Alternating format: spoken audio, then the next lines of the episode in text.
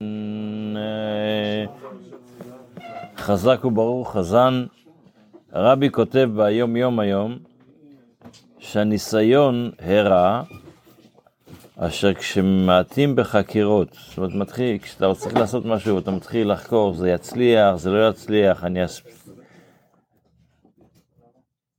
אבל אם הם מעטים בזה, לא עושים חקירות יותר מדי, ועובדים בסדר ובתוקף,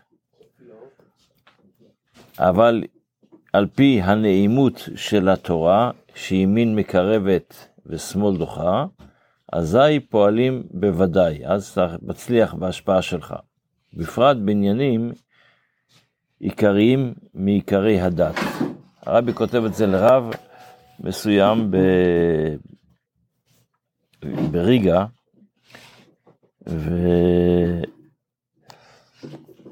והרבי מתחיל את המכתב שלו שם, הרבנים ובעלי תורה נקראים עיני העדה וראשי אלפי ישראל, וכשהראש בריא אז כל הגוף בריא. ואז הרבי כותב לו, שאותו רב ככה כתב לרבי שהוא לא, שלא מצליח במשימות שלו, אז הוא אמר לו, זה פשוט מאוד, כנראה אתה לא מדבר בצורה הנכונה. אז הניסיון הרע, אומר הרבי, כשאתה לא מתחיל לעשות חקירות, אני אצליח, אני לא אצליח, אלא אתה אומר את מה שצריך, אבל אתה אומר את זה בצורה נעימה, ובבחינת ימין אה, מקרבת ושמאל דוחה, אז בטוח שמצליחים.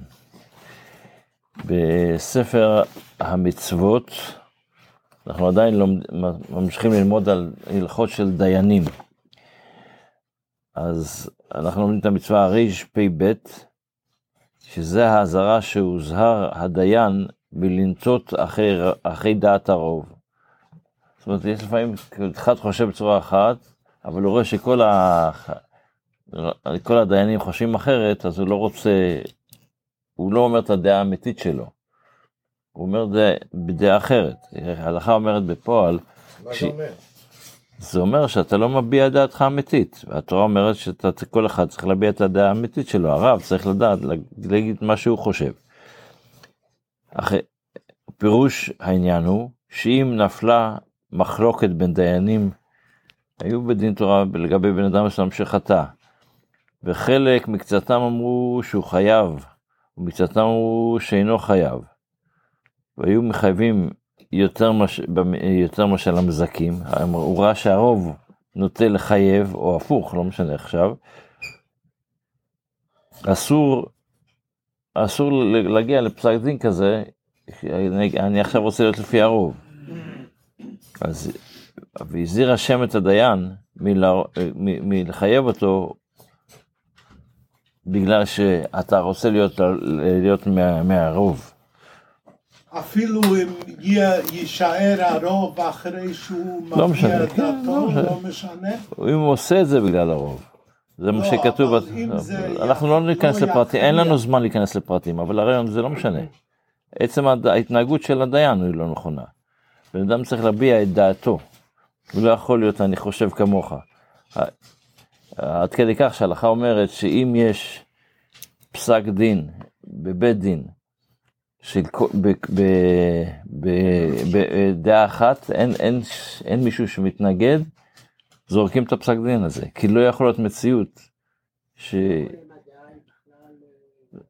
אנחנו לא, לא ניכנס לדון את כל הפרטים, אני רק מנסה את הרעיון. גם בבית משפט אמיתי, אם התובע לא לא. בעצם, בבית משפט אמיתי זה בדיוק הפוך. בית משפט אמיתי, אם הג'ורי לא, לא מחליטים כולם פה אחד, לא כן, מתייחסים. אבל- אבל אז זהו. ה- אם התובע לא משנה לא התובע, מתנגד, זה משהו אחר, אנחנו נדבר, לא.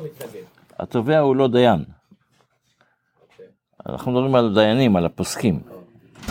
יש פה עניין ש, של הפוסקים, שצריך לדעת שאלוקים ניצב בדעת אל, יש בית דין, בית דין זה כבר, זה לא סתם דעה, אתה מביע דעה שלך, אתה מביע דעה של הקדוש ברוך הוא, מה הקדוש ברוך הוא רוצה, זה משהו אחר לגמרי. ולכן הרמב"ם אומר שכתוב שאחרי רבים לא תהיה אחרי רבים לרעות. עוד מצווה שלומדים היום, יש פה עוד כמה פרטים אבל אני מדלג על זה קצת. יש עוד מצווה שלומדים היום, הרפ"ג, האזהרה שהדיין מוזר, שאם הוא חש- חשב, לזק... הוא חשב לזכות את, הרב... את, הד- את הבן אדם, ואחרי זה הוא ראה שכל החבר'ה שלו מחייבים, אז הוא, אולי, אולי אני טועה, אז הוא יגיד, כן, אולי לחייב. אז אם הוא חושב את זה, לא בגלל שהוא חושב את זה, אם הוא חושב את זה בעצמו, בן אדם יכול לקבל יותר פרטים ופתאום לשנות את הדעה שלו, זה אפשר. אבל הוא עושה את זה בגלל עצמו, אז זה בסדר. אבל אם הוא עושה את זה בגלל שהחבר'ה אמרו, בגלל שהרבנים האחרים אמרו, לא בגלל שהוא חושב ככה, אז, זה- אז זה מה שנקרא, לא תענה על רוב לנטות. אתה לא, לא תגיד את הדבר לפי הרוב, לא לפי מה שאתה חושב. בן אדם צריך להביע את הדעה האישית שלו, כי בפרט בבית דין, כי, שאמרתי קודם, בבית דין זה... לא לפי הרוב, לא לפי הרוב לאט, לא לפי הרוב לאט. כן, לא, אבל פה אתה, אתה חושב בצורה אחת, הוא אומר אולי אני טועה, אולי, אני, אולי הם צודקים באמת. הם, משתמשים עד היום בבית דין? מה, מי שרוצה, מה? אחרי רבים, לנטות, ההפך, אבל לא כתוב לנטות. יש, זה לא, זה אחרי זה, אם יש דעה ככה ודעה ככה, הפסק דין יהיה לפי הרוב. יש שני דברים, השאלה שלי? יש שני דברים, יש, יש, אנחנו לא יכולים להיכנס לפרטים, אין לנו הרבה זמן להיכנס לנושא, אבל אני רק אסביר בכללות. יש כזה כלל שאומר, שכשיש מחלוקת בין רבנים, דברי ריבות בשעריך, אז יש, אחד הכללים זה שאתה הולך לפי הרוב. אבל המיעוט שאמרת מיעוט, זה, הוא גם אמר דבר השם. למשל בית שמאי ובית הלל, שההלכה היא כמו בית, בית שמאי, אה, בית הלל, סליחה. אז בית שמאי זה לא, לא תורה, ודאי זה אילו ואילו דברי אלוקים חיים. הקדוש ברוך הכניס לזה את הכוונה, את המחשבה הזו. דבר השם זה הלכה, יש שני דברים. מה, מה תפסוק להלכה, תלך לפי הרוב. אבל המחשבה שלך האישית היא מה שאתה חושב, לא מה שהשני שחושב. יש פה עוד שני הלכות, אבל אנחנו אירחנו- כבר. בתפילה אנחנו בקטע של יום שישי, בשיר של יום של יום שישי, ואתמול, והסברנו שזה מתחיל בהשם מלאך גאות לבש, שהזכרנו אתמול שהאדם הראשון, ביום הבריאה הראשון שהוא נברא, זאת אומרת ביום שישי של הבריאה, שזה היום שהוא נברא, הוא ריכז את כל החיות, ואמר להם בואו נברכה, בואו נתבטא לקדוש ברוך הוא, בואו נמליך את הקדוש ברוך הוא למלך, זה מה השם, אבל מה זה פה המילים? נשאו נערות השם, נשאו נערות קולם, יישאו נערות דחיים, דוחיים, מקולות מים רבים, אדירים משברי ים. מה זה הסיפור הזה? מה זה הנערות האלה פתאום, סיפור הנערות? מי, איזה נערות מדובר בכלל? אז מדובר על הארבע נערות של, ש, ש, ש, ש, ש, של גן עדן, מי שמכיר בסיפור של גן עדן בתורה, שנפרדו ה- ה- הנערות, שהיו ארבע נערות, גישון, פישון וחידקל ופרת. זה ארבע נערות. אולי כל הזהב נמצא שם. אמרת שלוש, מישהו חידק. לא, אמרתי, פישון, גישון. אה. גיחון, אה, סליחה, אה, גיחון, פישון. סליחה, גיחון, פישון, חידקל ופרת.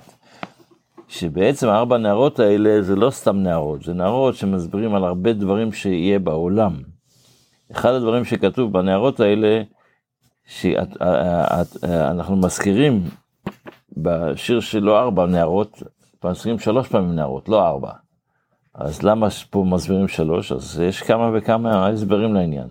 אחד ההסברים שמדברים עליהם, אחר אולי נדבר על עוד משהו, אז אה, מדבר, אה, כל הנ- השלושה נערות האלה הם בעצם נערות שגרמו. הת- נד- נ- נ- התנתקו מ... מגן עדן, פשוט עזבו משם, כן? אז זה מדבר על הסטרא אחרא, מה שנקרא. אז, אז השלוש נערות, יש שלוש נערות שהן בכלל, כמו שנקרא, שלוש קליפות הטמעות, מה שנקרא.